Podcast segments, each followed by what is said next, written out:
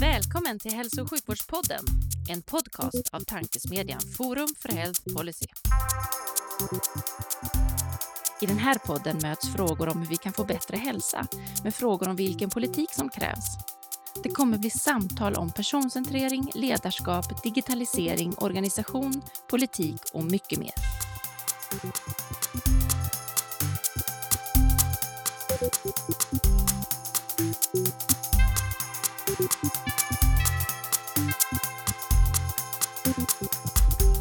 Hej och välkomna till ännu ett avsnitt av Hälso och sjukvårdspodden. Tankesmedjan Forum för Policys podcast där vi diskuterar de stora frågorna inom hälso och sjukvården med initierade personer från densamma.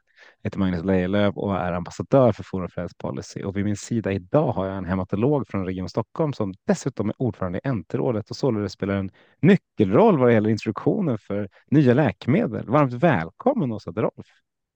Tack så mycket. Hur är läget en, en fredag som denna? Ja, men det, det, det är bra. Det har eh, varit ganska mycket nu med nya rollen eh, som börjar landa, så det känns skönt att, att få ta lite helg faktiskt. Det brukar ju vara det även om man inte har en ny roll, så det låter väl extra, extra skönt. Då. Ja, så är det. Så är det. ja, men vad bra. Men du, vi kastar oss in i det här samtalet och jag ställer den lilla nätta frågan. Hur tror du att svensk hälso och sjukvård ser ut 2040? Ja, det med fram, framtid är ju svårt alltså. Och jag misstänkte ju att den här frågan skulle komma så började jag tänka lite grann hur många år. Det kommer ju liksom alltid. Så det... Ja, men precis. Så att, att man hade ju en liten förvarning där. Och då började jag tänka hur långt fram i tiden är det där? Och så insåg ja. jag att det är ungefär lika långt fram i tiden som jag, sen jag började jobba som läkare. Och så tänkte jag att det kunde vara ett, ett sätt att, att eh, tänk, tänka på det där. Eh, och då tänkte jag att mycket är fortfarande samma i hur man jobbar och man går rond och alla de här bitarna på ett sjukhus till exempel. Och så är det framförallt väldigt mycket teknisk utveckling som varit hittills. Vi använder inte, ja men vi har liksom, dag, säga, vi skriver inga pappersrecept och sånt där. Och så kan vi skicka alla, alla vi vill på MR nu för tiden. Det, den fanns ju inte då, då skulle man ha någon slags chefsgodkännande och så vidare. Eh, så jag menar, den tekniska utvecklingen kommer väl att fortsätta och sen kan man fundera på vad den då gör med oss, om den gör att vi litar mindre på oss själva och våra egna kliniska bedömningar när vi är ute och jobbar som, i vården, som, som, som, eller, eller om det bara är till hjälp. Eh, jag menar, framförallt det är det till stor hjälp i vår diagnostik förstås, men ibland tänker jag att man kanske litar lite för mycket på de tekniska hjälpmedel man har och, och glömmer bort vad man faktiskt kan, kan göra för bedömningar själv. Sen tänker jag förstås att det kommer massor med nya spännande läkemedel som kommer hjälpa oss och kanske att vi också kan bli bättre på att jobba preventivt, så att vi vet mer. Vad, vad är det vi ska göra för att slippa bli sjuka eller slippa bli lika sjuka som vi kanske blir idag i vissa fall. Det låter som en, en positiv bild och, och, lite att hugga tag i. Jag tar och drar i den där tråden alldeles strax, men jag tänkte förutom den korta lilla intro jag gav dig så ska du få eh, möjligheten att berätta lite mer. Vem, vem är du, Åsa, och vad, vad har du gjort för att hamna där du är? Ja, nej men som sagt, jag, som du sa så är jag hematolog och det blev jag någon gång, måste jag tänka, 2010, 2011 blev jag väl färdig specialist kanske. Och då hade jag varit, nej så lång tid kan det inte ha tagit, skitsamma, nu räknar jag fel. Men i alla fall, jag jobbade på Karolinska en massa år, gjorde min ST där och, och mm. fick sen en del olika uppdrag, dels med undervisning eh, och så, så forskade jag och disputerade på en avhandling av akuta leukemier. Och sen blev jag mer och mer intresserad av organisation och ledarskap och hur kan vi utveckla verksamheten på det sättet och blev sektionschef och sedan verksamhetschef. Eh, och i de rollerna är det såklart, jag menar som hematolog, det kommer väldigt många nya läkemedel, så att hur ska vi använda dem på rätt sätt? Det blev en fråga redan, redan där och jag fick vara med i läkemedelsrådet på Karolinska och diskutera de frågorna. Vi hade mycket sådana diskussioner förstås inom cancervården. Så sen när det dök upp den här rollen, att, som jag fick för några år sedan, att jobba mer övergripande med läkemedelsfrågor i Region Stockholm, så var det väldigt spännande. Så att det är en liten snirklig väg. Eh, en del frågor, jag menar med karriärsplanering, vet jag inte om jag någonsin ändra, ägnat mig åt. Det har dykt upp spännande, spännande roller som jag har, har hoppat på lite allt eftersom, så att säga. Och det är kul, det är kul när det blir så. Vad, vad drömde du om ja. när, du, när, när du började plugga läkare? Vad var, var din vet... bild av vad Åsa var? När, när du, ja, liksom... det, det, är svårt att komma... Jag tror nog att jag såg framför mig någon form av sjukhusläkare. Jag tyckte kardiologi var väldigt spännande från början och det var det också. Men, men när man väl var ute på kliniken så fastnade jag mer för, för hematologin. Eh, mycket för att det var så mycket spännande kring det biologiska och immunologiska, men också för att man har så långa relationer med sina patienter. De kommer tillbaka eftersom det är mycket kroniska sjukdomar. Och det låter lite konstigt att man gillar att folk är sjuka länge, men just att få, få etablera relationer så att säga och veta vem är det nu som kommer på det här läkarbesöket och vi har sett förut och man kan bygga vidare. Och det är väldigt, väldigt tilltalande. Ja, det pratas ju mycket kontinuitet i vården mm. i olika mm. former. Så det jag kan förstå att det är något, något lockande. Om man tänker spännande ämne, akuta leukemier och, och disputera på. Vad, hur, mm. hur är din bild att det har gått sedan du disputerade? Vad liksom har det, att det har gått framåt, det bara utgår ifrån. Men vad, vad, vad är det som har hänt på området? För jag antar att antar att man studerar lite extra när man har varit och härjat. Ja, men precis. Och nu, nu ska jag väl erkänna att jag inte är superuppdaterad vad som hänt det senaste. Men, men det var ju en sjukdom som ganska länge stod utan nya läkemedel eh, och där det har kommit in ett antal riktade terapier, mycket i, i tablettform faktiskt också, och sånt som då inte är cytostatika som har, ändå har, har bidragit till att förbättra, förbättra överlevnaden. Så att även där har det hänt saker till slut. Annars så blev vi som höll på med det ibland lite hånade av våra kollegor som hade, höll på med myelom till exempel, där det bara välde in nya preparat. Det, det finns någon slags hånhierarki alltså på, ja, på sjukhusen också. det är bra. Du, eh, du, du, nämnde att du sa att när, när du eh, när du var färdig specialist så var det ungefär som idag vad det gäller till exempel ronder och vad det gäller liksom organisation tolkade jag det som. Det var ju liksom en fri tolkning kanske. Men, men tycker att det är det någonting som har, som har hänt i, i det vardagliga arbetet? Eh, som liksom, för ni har ändå bytt sjukhus och haft det. Det känns ju som, det känns ju från sidan som att det borde hända något, men är, är känslan att det, att det inte händer så mycket på, liksom, på sjukhuset förutom allt, alla tekniska saker? Jo, men det gör det väl. Alltså, det händer mycket tycker jag kring hur man förhåller sig till patienter. Man pratar mycket, mycket mer om personcentrerad vård och hur ska vi förhålla oss till att, att göra mer individanpassad behandling. Och då är det inte bara precisionsmedicin som är förstås en viktig del, utan också hur man förhåller sig till patientens egna, egna önskemål och kunskaper. Sen så kan det ju inte alltid styra behandling, men det finns ett annat sätt att tänka, tänka kring det tycker jag. Eh, sen är det fortfarande så att man på ett sjukhus behöver ha någon form av rondarbete. Man behöver liksom prata olika professioner emellan, lägga upp planer för patienter och, och allt det som ska hända. Så det jobbet behöver ju göras. Och sen kan man ju, vet jag inte hur många olika utvecklingsarbeten jag varit med om, hur man ska lägga upp den perfekta ronden. Och dit, dit har i alla fall inte jag kommit. Sen kanske det har hänt saker sen jag, sen jag slutade, men, men, men, men det vet jag att det är en utmaning. Liksom. Hur jobbar man på ett så bra... Det här med informationsöverföring är ju svårt. Så att säga. Hur ser vi till att rätt personer har rätt information vid rätt tillfälle? Hittar vi varandra och hur, hur delar vi det där under arbetsdagen så att vi, vi har ett bra flyt i arbetet? Jag var på Framtidens hälso och sjukvård här på Kistamässan som har varit två dagar där det har pratats på olika sätt och vis om hälso och sjukvård. Och en av sakerna som faktiskt pratades om var det här med, med rondande. Det var därför tyckte jag var spännande. Där man funderade kring hur ChatGPT och liknande liksom, textanalys skulle kunna användas för att göra ronderna mer effektiva framåt. Där man liksom istället kunde fråga, man, man kan bara få in all data eh, genom att prata med systemen och sen fråga rätt frågor och få ut, få ut data på ett eh, mm. bra kondenserat sätt. Det låter som att det skulle eh, kunna vara något som, som i teorin funkar och kanske i praktiken också. Eller vad tror du? Ja, det, det låter ju spännande. Eh, och så gäller det att komma ihåg att ställa rätt frågor så att säga.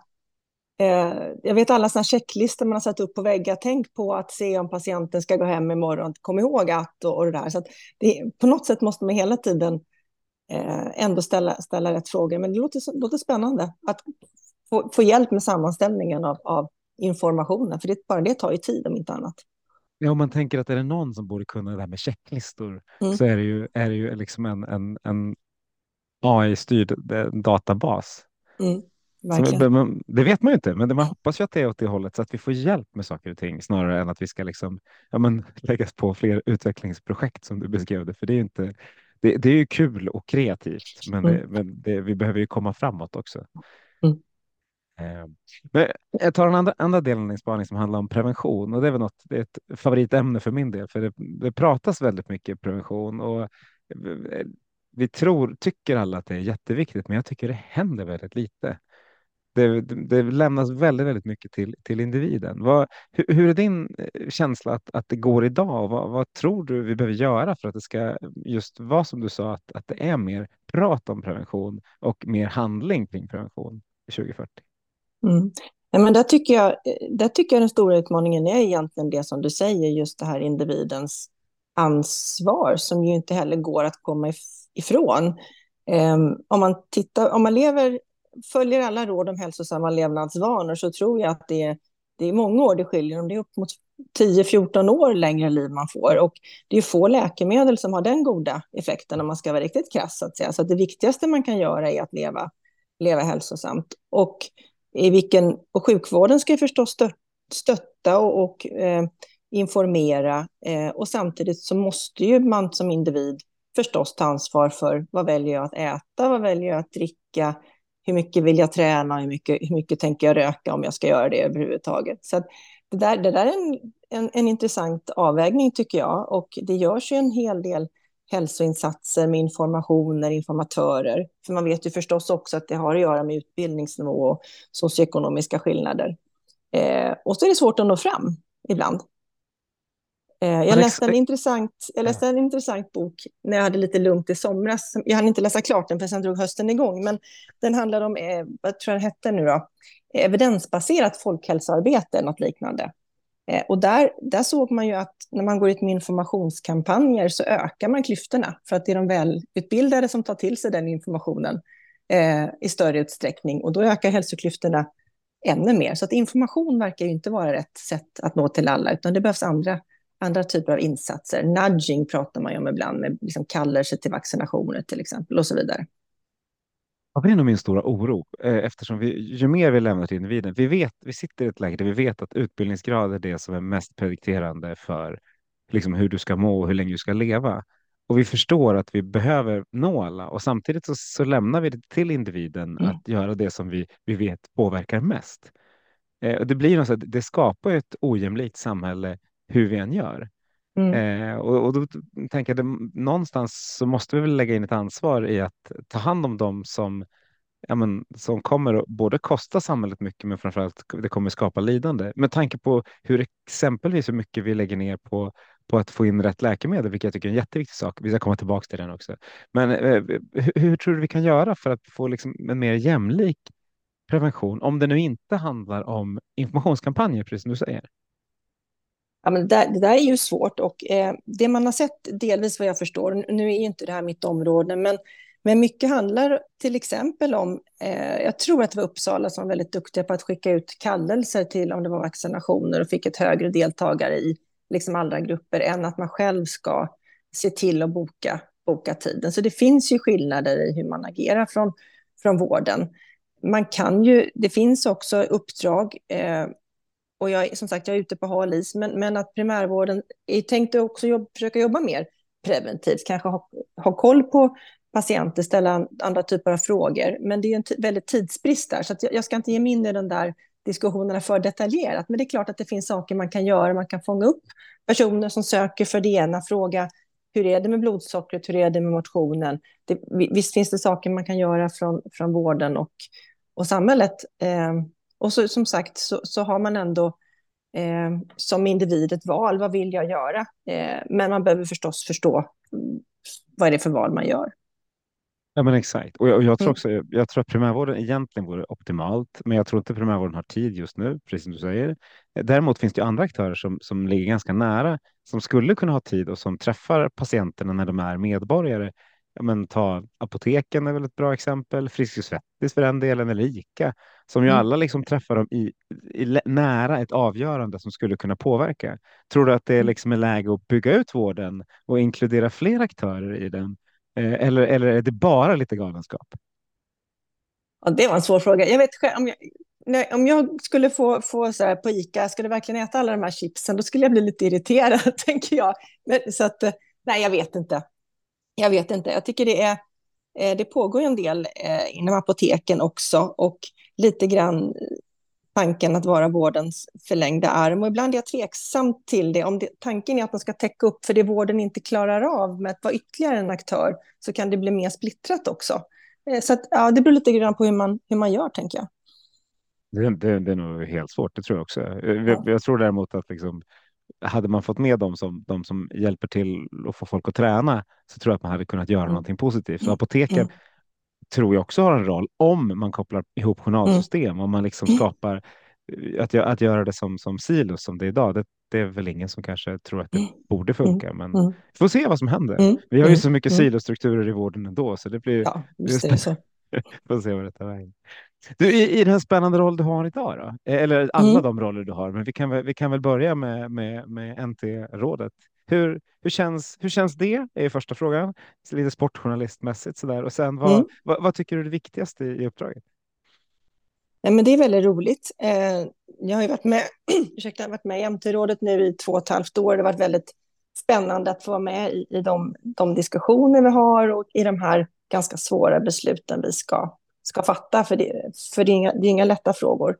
Eh, och det har varit väldigt roligt att lära känna den här gruppen eh, som utgör NT-rådet och den här klokskapen som finns där och förstå hur det, hur det hänger ihop.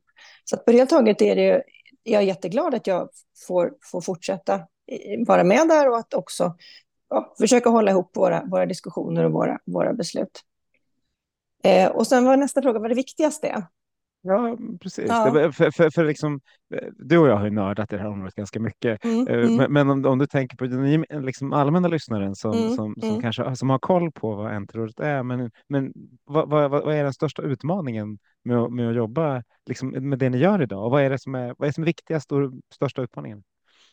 Men en utmaning tycker jag det är att det fortfarande finns ganska lite kunskap om hur själva godkännandeprocessen kring läkemedel är. Och det gäller ju både vårt arbete och TLVs arbete. Och då tänker jag för, ja, förstås ute bland, bland patienter, men det kan man inte heller förvänta sig. Men även bland vårdgivare och så vidare, att man inte riktigt har förståelse för varför behöver man ha den här typen av förhandlingar och varför eh, kan vi inte bara starta behandlingen när den är godkänd av EMA till exempel. Att vi, vi skulle behöva jobba ännu mer med att nå ut med, med det, eh, om varför vi finns och ja, vad behov, varför det finns ett behov av den här typen av strukturer.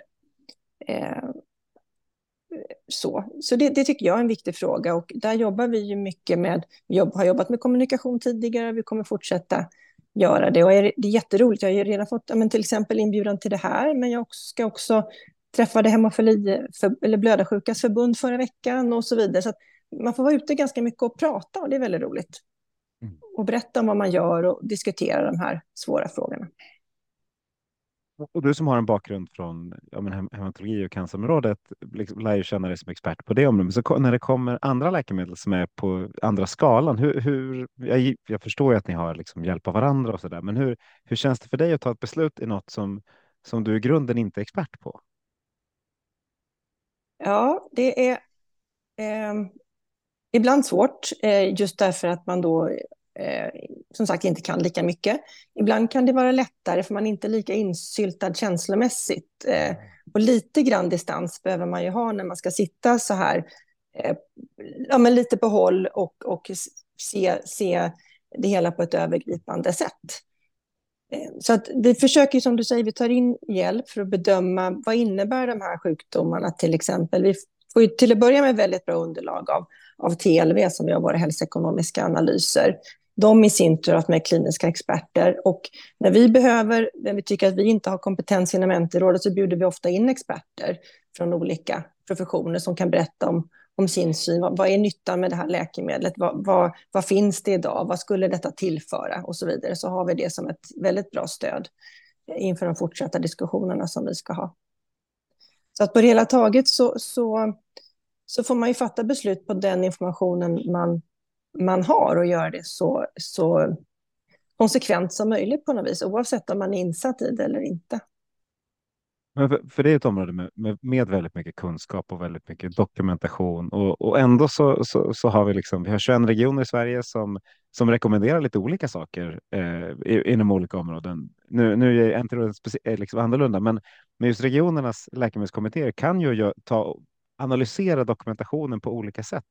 hur är det mycket liksom, stridigheter hos er eftersom ni just kommer från, med olika vinklar eller, eller liksom är det en enhet i, i ert sätt att analysera data? Jag uppfattar nog att vi tänker ganska eh, lika när det kommer till de här ny, introduktionen av nya läkemedel.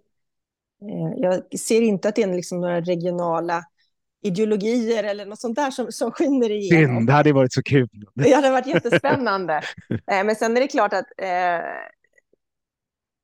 Nej, men jag, tror, jag tycker inte att man ser, eh, ser det riktigt. Eh, men man har ju olika infallsvinklar förstås, därför att man har olika eh, erfarenheter och kunskaper med sig. Men jag tycker att vi brukar få ihop det till en bra, bra helhet. Och det vi ofta gör när det är svårt, eh, det är att vi, vi bestämmer inte oss första gången vi får en redogörelse om läkemedlet eller har läst rapporten, utan man får ju ta upp frågan igen och, och bolla den ett varv till och ibland kanske till och med två varv och ta in en expert just för att hinna. Ja, ibland hinner man ju byta åsikt själv också när man har då fått läsa en gång till eller fått lite mer svar på sina, sina frågor. Så att man behöver hinna med det i den processen just för att det ska bli så kloka beslut som möjligt. Och det är sällan, tycker jag, som när vi väl landar i beslut, att, att det sitter någon och, och med armarna i kors och säger nej, det här är jag inte med på, utan då har vi kommit, då har vi processat det så att man kan känna sig trygg med att det här, det här, är, det här är så bra beslut som möjligt. Vad, vad tycker leverantörer om, om strukturen? Vad är, liksom, vad är om, omvärldens bild av, av ert arbete? Menar du företagen eller när du säger leverant ja, lever, ja, det, tänker jag, det kan vara bra. Det, leverantörer av läkemedel i det här fallet. Leverantörer av läkemedel. Nej, men det, det är inte alla som är nöjda med våra, våra beslut förstås. Man vill förstås ha in sina produkter på marknaden. Man kan tycka att vi har gjort fel värderingar avseende vår betalningsvilja. Man kan tycka att vi är för långsamma eller att vi eh, inte... Ja, ja, visst, det finns massa synpunkter eh, på, på, på vårt arbete, men det är också, tänker jag, det är företagens roll att, att liksom promota sin, sitt läkemedel och, och sälja det på, på, ett, på ett rimligt sätt förstås. Att det är inte så konstigt att vi har de, de diskussionerna. Nej, nej och, och, att de har olika åsikter om, om pris och vad ni nej. tar beslut, det kan Precis. jag förstå. Men, men, ja. det, det är eh, men har, har det liksom, om, det, om åsikterna handlar om att ni är för långsamma eller om åsikterna handlar om att det är svårt att överklaga eller så där. Är, är, det, är det saker som, som liksom du håller med om eller är, det så, är du nöjd med hur strukturen är? Eh, men jag kan tycka att vi skulle kunna vara snabbare ibland. Eh, och då, då handlar det kanske inte alltid bara om NT-rådets arbete, utan det handlar ju delvis om att vi har, ska basera beslut på ganska små studier som det är idag. Det är sällan vi har några stora fas 3-studier, utan vi sitter och ska göra en bedömning utifrån eh, små, små patientgrupper och ganska kort uppföljningstid, vilket gör att underlagen blir osäkra. Eh, det är ingen hemlighet att TLV inte är riktigt resurssatta för det här, vilket gör att den biten drar ut på tiden. Eh, och det kan också dra ut på tiden därför att företagen också eh, inte kanske kommer in med sina underlag. Det kan vara så att ja, men de har en studie till på gång som de vill ha med i underlaget innan de skickar till oss.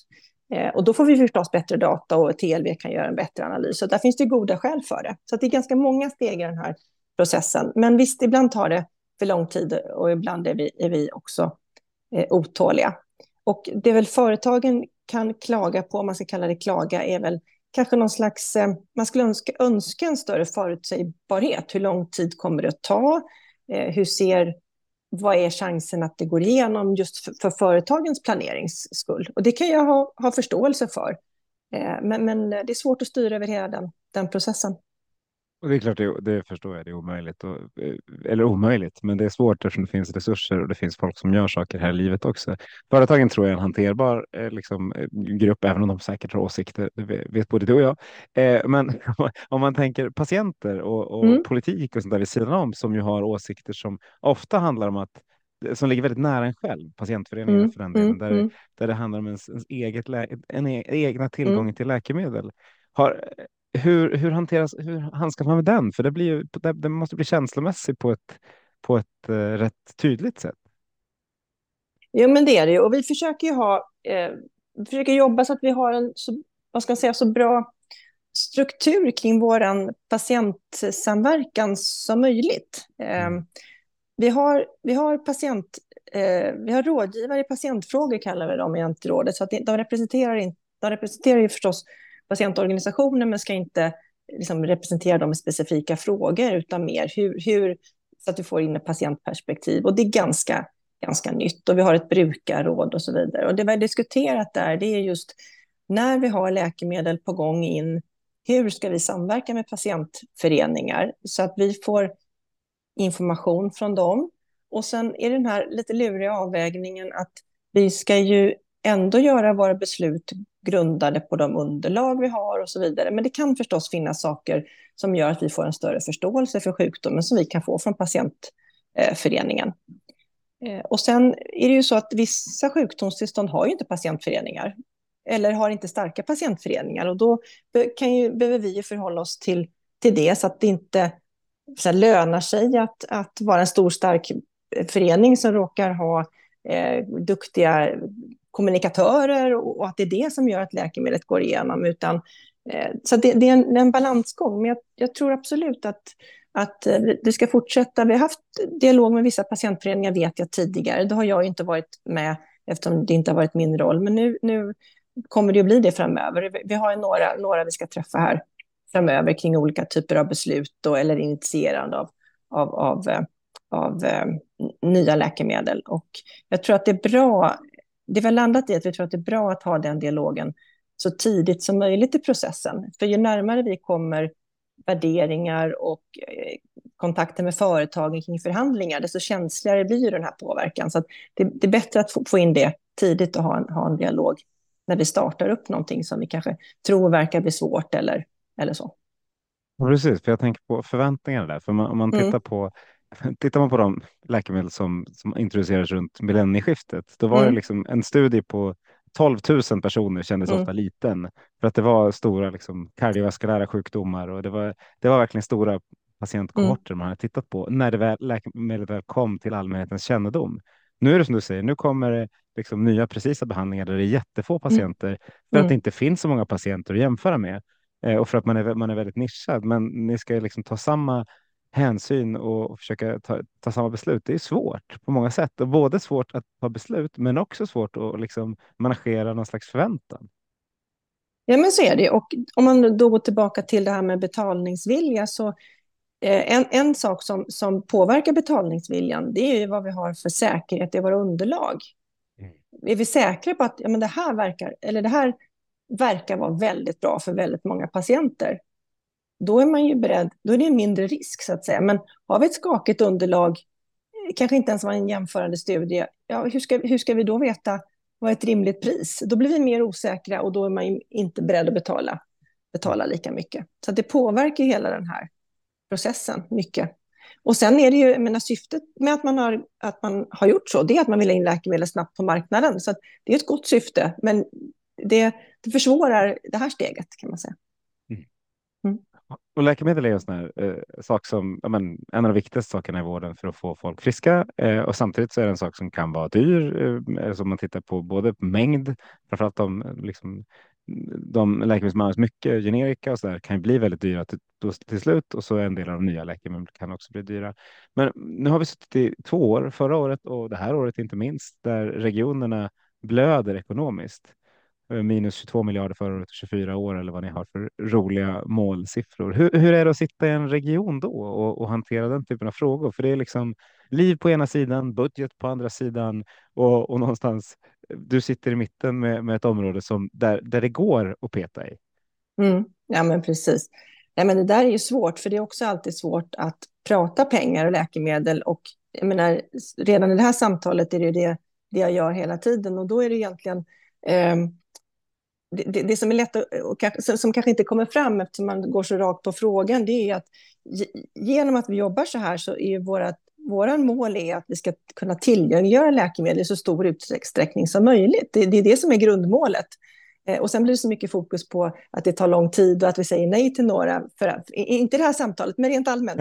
eh, och du såg så förvånad ut där. Nej, nej, nej men, jag, jag, men jag, nej, jag förstår att det är så. Ja. För det, det, ja. alltså det, det, samt, det kommer ju, när allting går bra, flyter på, och någonting blir godkänt, då är det ingen som gnäller.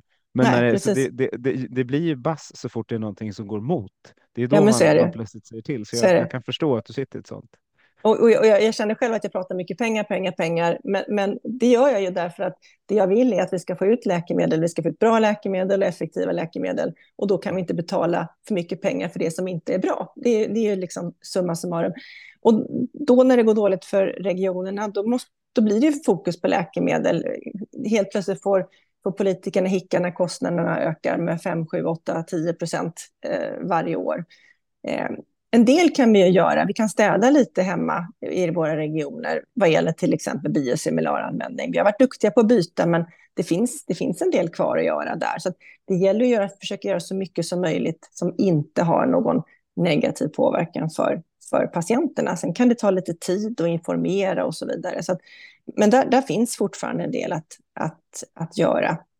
Eh, och vi försöker följa upp att läkemedel används på rätt sätt. Det är det det är tänkt för. Eh, och nu jobbar jag då på läkemedelsenheten på regionen på hälso och sjukvårdsförvaltningen och där har vi fått ett tydligt uppdrag att liksom följa upp kostnader. Eh, vi skickar ut en del brev till vårdgivare där vi säger att hallå där, du kan byta till mer biosimilarer eller här undrar vi varför ni använder så mycket av det här läkemedlet. Så att vi har blivit lite jobbigare än vad vi har varit förut och, och ligger på lite mer. Men vi har fått ganska positiv respons på de här breven hittills i och med att alla är medvetna och vi kan hjälpa till med siffror och visa så här mycket skulle du kunna spara åt, åt skattebetalarna. Så att eh, de, de verkar inte ha blivit så sura än. Och det, tanken, är ju, tanken är ju att vi ska hjälpas åt förstås. Att det, jag tycker vi har fått bra respons på de utskicken hittills. För, för ett antal år sedan så var det väldigt var jobbigt som läkare att, att ens fria förskrivningsrätt blev ifrågasatt. Är, har det liksom lugnat sig? Är man mer förstå, förstår man mer att man är en del av ett sammanhang eller är det fortfarande så att det liksom finns ett gäng som sitter och tycker att, det är, att, att man mm, ifrågasätter ens liksom, auktoritet och kompetens? Det finns nog några, några sådana, men jag tycker inte att det är så vanligt eh, längre faktiskt. Jag tycker att man har en förståelse för det och man har ju jobb, alltså rent allmänt i sjukvården har man blivit mer medveten om att saker och ting faktiskt kostar pengar och att det är dyra saker vi håller på med, både vad gäller diagnostik och läkemedel och så vidare. Ehm, så att det, det tycker jag inte är något stort, stort problem egentligen. Mm. Jag tänkte om det, om det, hade, om det var, har lite att göra med det du sa om den tekniska utvecklingen, att du tror att ni, ni läkare kommer att ta mindre beslut framöver eller kanske lita mindre på er själva. Eh, och det känns som att det finns ett antal olika saker där det här är en av dem, där liksom besluten kommer bestäms av någon annan. Att det är så här, det är det här, om, det, om det här sker så borde du göra så där. Och om mm. det dessutom du då får, får hjälp av beslutsstöd eh, av liksom teknisk art som säger att det, den här patienten borde verkligen ha det här och då rekommenderar mm. vi det här. Då, mm. då, då tappar du liksom möjligheten att få ta dina egna beslut och, och det kanske är en annan typ av personer som är, är mest lämpade att vara, vara läkare då. Ja, men jag vet inte. Nej, men vi diskuterade det för ett tag sedan. Det finns ju ett, eh, ett slags verktyg som man kan koppla på journalsystemet som hjälper en eh, att, eh, ja, att den här patienten har ett högt blodsocker, har du funderat på. Den här, och fiskar upp saker i journalen så får man en fråga. Och då måste man ju som läkare ta ställning till det förstås, för den gör ju ingenting själv. Men man blir ju kanske påverkad i någon, någon, någon riktning. Jag tänker också på, på precisionsmedicin som kommer allt mer. Säg att här är en tumör och den uttrycker en viss gen. Åh, då finns det här läkemedlet. Jag måste ju fortfarande tänka efter, är det rätt för just den här patienten? Klarar den alla biverkningar? Man och, och jag tänker att det där finns ju, den, den, den kompetensen finns ju förstås. Och det finns ju fortfarande, tänker jag, även med allt det här, det som, som man kallar läkekonst. Det vill säga att man måste bedöma den personen man har framför sig, vilket skick den är i. Det, det är, svårt, eh, det är svårt för en dator att göra. Eh, ett klassiskt eh, uttalande från, som jag kommer ihåg när man, när man möter upp patienten man, som är med hematolog och så frågar man hur mår du? Och så svarar de, det vet väl du för du har sett mina, mina prover. Och då säger man, nej jag har ingen aning om hur du mår. Jag vet, jag vet hur ditt HB ligger, men jag vet inte hur du mår. Så det, det är mycket av det där som inte går att läsa ut ur en, ur en labblista till exempel. Ja, verkligen. Och samtidigt mm. tänker man, om man börjar liksom in, addera annan data där patienten mm. själv får mm. antingen skatta hur man mår, mm. alternativt bara visa hur mycket du rör dig eller hur mm. mycket du gör, inte interagerar på i sociala medier, så brukar det liksom, då brukar man få, kan man få den bilden till sig också. Eh, jag, säger, jag säger inte att alla som är läkare idag är fel, eh, liksom är fel, är fel personer, verkligen inte. Men jag gissar att framtidens läkare kommer behöva bli mer eh, ännu mer empati. Eh, det är viktigt idag också, men jag tror att det kommer mm. bli liksom ännu tydligare. Den, den delen kommer att vara det som, som, som sticker ut. Men också som du säger, att, så här, att kunna analysera och, och, en massa, få en massa förslag och kunna mm. välja och vraka bland dem och tänka till och, och, säga stopp. Det är ju liksom an, kanske lite annat än att försöka hitta de där små guldkornen som då, du istället får hjälp av. Mm. Ja, men så är det. Och sen kommer ju Eh, många patienter är ju så oerhört pålästa idag och kanske kommer med, med frågan och, och vet, eh, har de en väldigt ovanlig sjukdom så kan de ju nästan veta mer än man själv gör. Eh, och, och, att liksom kunna, eh, ja, man måste ju fortfarande kunna eh, bara föra resonemang och kon kommunicera. Det, alla individer är olika och den här liksom, personliga interaktionen kommer ju inte minska, tänker jag, även om vi har kanske jag går över mer till digitala möten och så vidare, så måste man ju ändå ha den typen av, av, av, av kontakt med personer. Mm. Så att empat, empatin och de förmågorna kommer inte bli, bli mindre viktiga, tänker jag. Nej, precis. Nej, jag tänker bara hur man, hur man liksom när, eh, när, när jag eh, sökte in till universitetet, då var det bara liksom betyg och meritpoäng som räknades för att bli exempelvis läkare. Det handlar om att få så bra meritpoäng som möjligt. Och det är ju inte alltid de som är de mest empatiska människorna. Det kan absolut vara det. Det finns bra korrelering, men det finns också liksom mm. individer som kanske inte passar in. Mm. Eh, så jag, jag funderar på, ska man ändra liksom ansökningsförfarandet eller ska man, hur, hur ska man, hur, hur fångar man upp det där på ett så bra sätt som möjligt? Ja, men det är jättesvårt. Man har gjort intervjuer, en del antagningar och så vidare. Eh, och det kan ju finnas poänger med det. Sen tänker jag, ibland tänker jag att man behöver ju också ha de där personerna som inte är glada och kommunikativa. För vi behöver de som kan sätta sig och nörda på ett labb eller eh, nu säger inte jag att alla de är inkompetenta, men alltså man behöver olika personligheter ja, eh, i det här också. För att eh, ibland kan man behöva, ska du verkligen jag, vi var inne på det, att det blir mer och mer teknisk utveckling, att vi kanske behöver ännu mer sån kompetens. Eh, mm. det är inte alltid det är kopplat med en stark kommunikativ eh, förmåga. Så eh, man ska nog inte sortera ut allt för mycket på, på, på personer som, som gillar att sitta och prata med människor heller, utan man behöver nog hela spannet.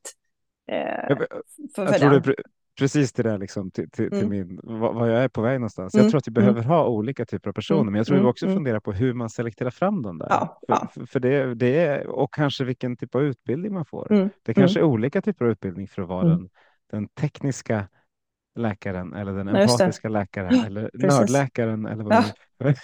hur precis, precis. Och man, man kortar ju vissa delar. Nu är jag inte så insatt i det här exakt hur det ser ut, men man, AT-tjänstgöringen är på väg att försvinna, det blir olika bastjänstgöringar och så vidare, saker blir lite mer komprimerade och då får man ju kanske mer tid att utveckla de specialiserade, men risken är väl att också att man tappar kanske lite av den gemensamma baskunskapen mm. som alla har och som man kan relatera till genom olika, olika specialiteter. Ja, men exakt. Och det är det som är så stökigt. Jag, jag, mm. jag har ingen mm. lösning på det. Jag försöker problematisera och det inser jag ja, att det går ja. ganska bra, för det är lite problematiskt. Där. Det är lite problematiskt, precis. Och sen är det förstås olika behov. Jag menar, jag är så färgad av att ha jobbat i Stockholm i massa år och på Karolinska där alla är superspecialister. Så det är klart att det, det, man behöver en annan typ av kompetens eh, beroende på var man jobbar också. Ja, på, på tal om det, om, om, om, man ska ta en, en, sak som är, en sak som vi inte har kommit hela vägen med i Sverige är, är den, den jämlika vården. Inte bara den jämlika preventionen utan att det även mm. finns skillnader både inom regioner och framförallt mm. mellan regioner. Hur, vad tror du vi kan göra framåt för, för att komma till bukt med det? För det, det är ju en skillnad att bli sjuk i, i Blekinge, i Stockholm eller i mm. Sörmland. Mm. Ja, men det, finns, det finns olika delar av det här, tänker jag. Det ena är att eh, vi som grund förstås inte vill ha en ojämlik eh, vård. Sen så tror jag att vi behöver acceptera att det är lite bättre vård på de stora universitetssjukhusen, för någon måste gå före. Där genomförs studierna med de nya läkemedlen och de måste gå lite före. Eh, samtidigt så måste de ju då vara draghjälp så att de andra kommer ikapp så fort som möjligt om man nu ser till vad man har för behandlingsmöjligheter. Men att, att det ska vara exakt lika i hela landet eh, utifrån den, den det, det, det, går ju förstås inte. Och sen om man tittar på individnivå så är det precis som du säger också, att det beror också på vad man har för förutsättningar och grundsjukdomar bakom sig som, som, som individ att få rätt behandling eller kunna, kunna ta emot behandlingen. Och där tror jag att det är mycket, mycket samma eh, utmaningar som med, med, med preventionen, så att säga, att, att hitta, hitta de, de vägarna. Eh, vi, titt, vi ska faktiskt titta nu i, i Läkemedelskommittén i Stockholm har börjat försöka, vi ska försöka analysera lite noggrannare vad det finns för läkemedelsskillnader i regionen i, beroende på olika områden. Vi ska titta bland annat på diabetes och KOL och astma som är som stora. Har vi skillnad i hur läkemedel används? För då kan vi också mer pinpointa, men här har vi ett område där vi ser att diabetespatienterna får alldeles för lite blodfettsänkare eller till exempel. Då kan vi ju gå in och titta, titta där. Eh, samtidigt så görs ju en del av det här arbetet redan genom att vi har informationsapotekare som är ute och träffar dem på vårdcentralen och tittar just på deras förskrivningsmönster. Men det här blir, är tanken att det ska bli en lite mer övergripande bild för att se om, om utifrån det ska sätta in andra insatser också. Så man måste också börja med att analysera lite, vad är det som är de här skillnaderna? Absolut, och som, som patient så förväntar man sig att det där görs redan mm. Eftersom, mm. Men, eh, eftersom det sker inom så många andra områden där vi har mm. kommit långt med analys och med mm. data och med mm. liksom, teknisk implementering. Eh, men här, liksom, det ska man ju veta om att i sjukvården görs det inte alltid, även om det, vi, vi har ohyggligt mycket data på många sätt. Nej, men det jag tänker på för att alltså, det beror lite på vilken cancerform du får så kan det vara mm. bättre att vara i en viss region än någon annan. Mm. Mm. Och i, i, liksom, i, vissa regioner så, så fångar man upp patienter tidigare än annars mm, mm. och baserat på, ja, men, på individer som, som drivs av saker och, mm, och baserat på att man har fokuserat på olika saker. Och det är ju, är ju liksom, det är rätt att det finns någon att sträva efter. Det vi kanske är dåliga i Sverige på tycker jag i alla fall, det är mm. att, att, hänga på. Att, vi hela, att alla hela tiden ska bli lika bra som den som är bäst. Mm. För det, är, det, är det jämlikt dåligt, då håller jag med dig. Det vill inte jag heller ha. Jag vill, att det ska vara, jag vill att det ska vara ojämlikt där någon är jättebra och alla försöker springa och bli Just lika det. bra som den. Precis, precis, eh, precis. Och de strukturerna kan jag tycka ibland att vi är lite, vi är lite, lite svaga på. Jag ja, vet inte hur du känner. Ja, men, nej, men jag, jag kan, jag, jag, jag, kan ha tänkt lite liknande. Jag tänker ibland att det är ett ganska litet land ändå, även om vi är utspridda geografiskt. Vi bor inte så många människor i det här landet, men vi har ändå en tendens att alla stora ställen vill kunna göra sitt eget. Jag tycker ändå att det går mot mer samarbeten i olika frågor, men ibland blir det revirtänk och det finns prestige och det, det drivs liksom, den här drivkraften att vara bäst kan ju ibland också vara exkluderande, att man då ser det mer som en konkurrens, att man inte tycker att samarbete är det viktigaste. Så jag tror att vi kan komma, komma ännu längre. Jag tycker det är mycket som, som går mot mer nationellt samarbete, men, men jag tror att det, det är den vägen som man behöver gå och fånga upp då, som precis som du säger, bra arbetssätt eller bra sätt att, att göra det så att, så att den som har kommit före kan hjälpa de andra att komma ikapp. Och för om man tittar på universiteten där, så är, där är det mm. verkligen så. Där ska man vara först med det man kommer på. Mm. Man, ska, mm. man ska publicera det och, så, och då meriteras liksom mm. byggnaden eller, mm. eller, universitetet för det. Eh, det känns inte alltid som att samarbete är det som premieras på mellan universitet. Mm. Nej, men det kanske är lite så. Eh, att man, man, man, det finns en, en väldigt stark drivkraft i den här tävlingsinstinkten också. Eh, sen, sen, är ju forskare samtidigt också väldigt duktiga på att, på att samarbeta, hitta internationella kontakter, knyta nätverk och så. Så att det finns ju båda sidorna av det hela. Visst gör det det? Eh, det måste man ändå säga. Mm, att, att för, för, för en klinisk studie går ju inte att bedriva på ett ställe till exempel. Där behöver du, du behöver alltid samverka och du behöver samverka om du ska komma någonstans. Men det finns såklart drag av, av tävlings, tävlingsinstinkt i de här sammanhangen. Visst gör det? Tävling är kul. Det har vi liksom. Tävling är kul. Man, man, ska ju lära sig något av det också. Precis. Eh, vad heter, när, när ni tittar, om du tänker, oavsett om du tar Region Stockholm eller NT-rådet som hatt, eh, vilka, vilka tycker du är bäst i världen på, på att implementera nya läkemedel på rätt sätt? Vilka tittar du på? Det har jag, ska jag erkänna, det har jag inte hunnit göra så mycket mycket än. Man, vi, vi, tittar ju ibland på andras, andra länders rapporter och så vidare. Och vi har precis varit iväg och träffat Norge och Danmark. För vi försöker samarbeta mer, mer eh, nordiskt. Ehm, på många sätt så tycker jag nog att Sverige har en väldigt bra modell ändå med det här att man tänker värdebaserat, att man inte, eh, att, att det ändå är, vi vill veta vad vi får, vad vi får för, för, för pengarna. Ehm, det som är stökigt ändå, det är ju att, att vi har de här dubbla systemen med recept och rekvisitionsläkemedel som finansieras från olika håll och gör att det kan bli, ja, de går olika spår och det, ja, det, det, det är lite stökigt och där har ju andra länder kanske kopplat ihop de bitarna, bitarna mer. Men jag kan inte säga att jag har något favoritland. Så långt har jag inte kommit i min analys. Men man kan alltid lära sig. Och det var jätteintressant ja. att träffa norrmän och danskarna och höra dels att vi har eh, vissa frågor som är väldigt gemensamma som, som eh, vi brottas med och sen hur man har löst vissa, vissa saker och hur vi kan hjälpas åt att diskutera frågor framöver. Kul, för det tror jag är bra att lära, lära sig av varandra. Mm. Men, mm. men, du nämner, vi, nämner receptrekvisition som ju är, mm. eh, för, för, för lyssnarna så finns det, mm. eh, de går två olika spår. Det ena handlar om sjukhusläkemedel det andra handlar om de som går via öppenvårdsapotek. Men det finns också olika mycket information kring dem eftersom vi har olika typer av IT-system och rapporteringsvägar och mm. databaser, vilket gör att det just nu är enklare att följa upp receptläkemedel än rekvisitionsläkemedel. Vi hoppas ju att det förändras framöver. Mm.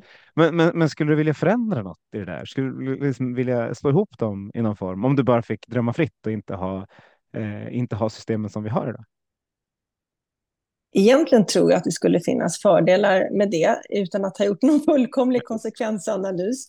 Eh, men det blir till exempel uppenbart ibland när vi tycker att ja, men nu inför vi det här som ett rekvisitionsläkemedel. Det blir högre kostnad för regionerna. Eh, det kommer bli minskad eh, användning av ett dyrt receptläkemedel istället.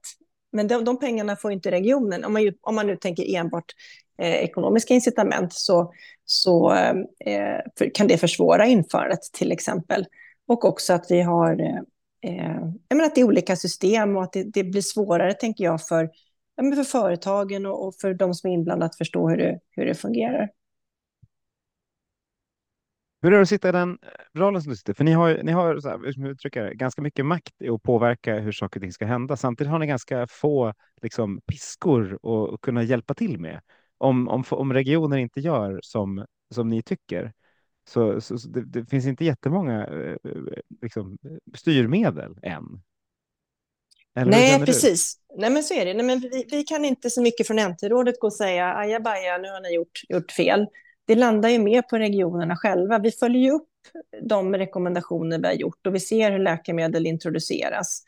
Och eh, där landar det till exempel då hos mig i Region Stockholm. Skulle vi ha infört något som en avstå-rekommendation från, då landar det hos mig att jag får kontakta det sjukhuset som har gjort det här. Och, men hur har ni tänkt nu och varför gör ni det här? Så det landar ju sen på, på regionerna.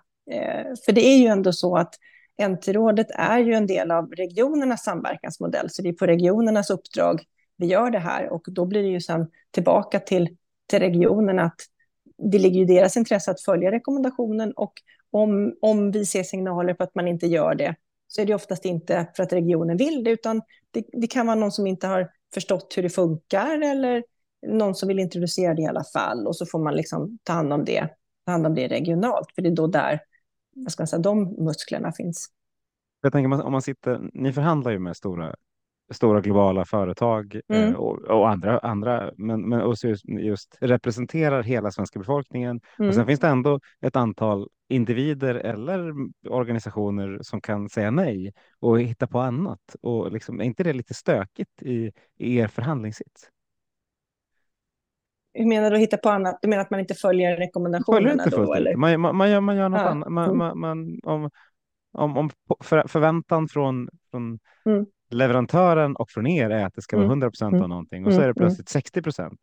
Eh, och 40 procent är något annat som, som, som vederbörande tycker av hävd eller av liksom, regionala skillnader är någonting som är bättre. Hur, liksom, hur, det, måste, det måste vara en svår sits att liksom stå upp mot mot den typen av aktörer? Tänker jag. Ja, men det är det. Och det är också svårt att veta vad är, vad är, den, vad är den rätta nivån, så att säga. Säg att det kommer ett nytt läkemedel och den ges till 70 procent av patienterna med en viss diagnos i en region, men bara 50 i en annan. Det är för svårt att veta vad är målnivån, vad är den riktiga nivån, vem, vem av dem har gjort rätt? Är det de som gett 70 procent, har de gett för mycket för att de gav lite vidare? Eller är de 50 som är för lite? För där har vi för lite. Du var inne på det här med, med rekvisitionsdata. Det är ju ofta för lite data för att göra bra uppföljningar och veta var det rätt patienter som fick det? Eller ja, var det för många där eller för få där? Så det är också svårt att veta vem av dem gjorde fel och vem gjorde rätt. Eller skulle det varit 60 så att båda gjorde fel? Den, den, den, där är det svårt för oss att veta. Hur, hur ska vi, eller vi kan inte riktigt följa upp det rent krasst idag. Vi kan göra jämförelser, vi kan ställa frågor och vi kan eh, be att man analyserar regionalt och så vidare. Så det, det gör vi, men, men, att veta exakt vad som är den riktiga siffran är svårt, ofta. Och det, är lite, det är svårt att vara lite blind på det sättet, att man inte har full mm. uppföljning. Hur, hur jobbar ni för att, för att få till den då? För, för nog, nog skulle vi behöva veta om det är 50 eller 70 eller 60 procent som är, som är det rätta.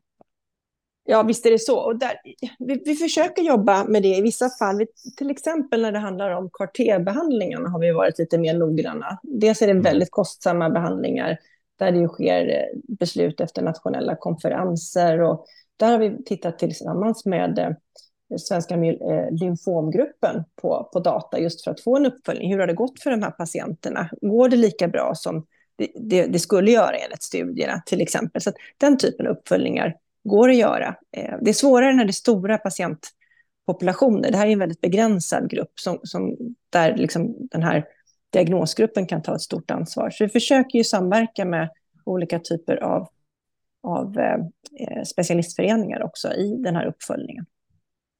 Mm. Nej, och det pågår ju arbete med att utveckla olika typer av register och sånt där. Och på tal om digitalisering så har det varit svårt så länge det handlar om manuell registrering. Men vi hoppas ju på när det blir mer automatiserad dataöverföring, att vi ska få bättre möjligheter att följa upp att det används på rätt sätt, så att säga.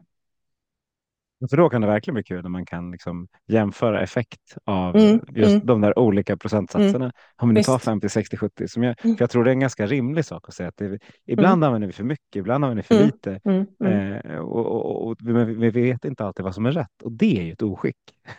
Ja, men så är det och sen kan det vara så att man har Ibland finns det läkemedel som är vad ska man säga, lika bra som varandra. Man har ena regionen valt att använda det ena och den, den andra den andra. Så i, i den bästa världen skulle man också vilja titta sen på okej, okay, vi hade de här skillnaderna i läkemedel, men hur blev skillnaden i överlevnad? Kan vi jämföra liknande patientpopulationer och se hur det gick för dem? Det skulle vara väldigt spännande också. Vad, och återigen, fick, fick vi det vi trodde vi skulle få när vi använde våra läkemedel? Ja, men exakt. Då betalar vi för rätt sak. Det vill säga, ja, vi, vi, vi, betalar kanske för mycket eller för lite mm, för den delen ja. för, för någonting. Precis, det... precis. Tror, tror du man skulle våga eh, introducera på ett annat sätt om vi hade all den här datan? Ja, men ibland så, så, så funderar man ju på, vi är inne på det här med osäkerhet, att en hög osäkerhet i våra underlag, då är vi inte villiga betala lika mycket. Och då tänker man ibland, skulle man då tänka sig att man går in med ett lågt pris, visar man att det har den effekt det hade, då kanske vi att betala mer. Mm. Det som då oftast andra sidan har hänt är att patientpopulationen har ökat och marknaden har ökat. Så att det inte, företaget kanske ändå har, har en, annan, en annan marknad och då kanske det, den, den utvecklingen ändå inte blir aktuell. Men, men det, det är sådana såna frågor man kan fundera på om det, om det skulle vara ett sätt, eh, givet, givet de här osäkerheterna. Ja, det är spännande. Det är ju en intressant framtid på tal om 2040. Så intressant ja. att se vad, vad vi har tagit vägen då. För, för, för går, man, går man tillbaks liksom 17 år, 18 eh, år bakåt i tiden, mm. då hade det ju hänt eh, jättemycket saker eh, på mm. det här området. Det, är mm, liksom, mm. det, var, det var helt andra strukturer som gällde då. Så vi får se vad som händer, mm, händer mm. framåt helt enkelt och framför allt vad den där Precis. datan kan göra. Eh, när du kom in i det här digitala rummet, Åsa, var, var det något du hade inte velat att jag frågar om som jag inte har frågat om. Jag har frågat om en väldig massa saker inser jag, men är det något du tycker så att det här har Magnus helt glömt bort? men jag tror inte. Jag tycker jag har varit inne på, på många, många områden. En del där jag kan saker, en del där jag har spekulerat ganska fritt. ja, det är bra. Det är så det ska ja. vara.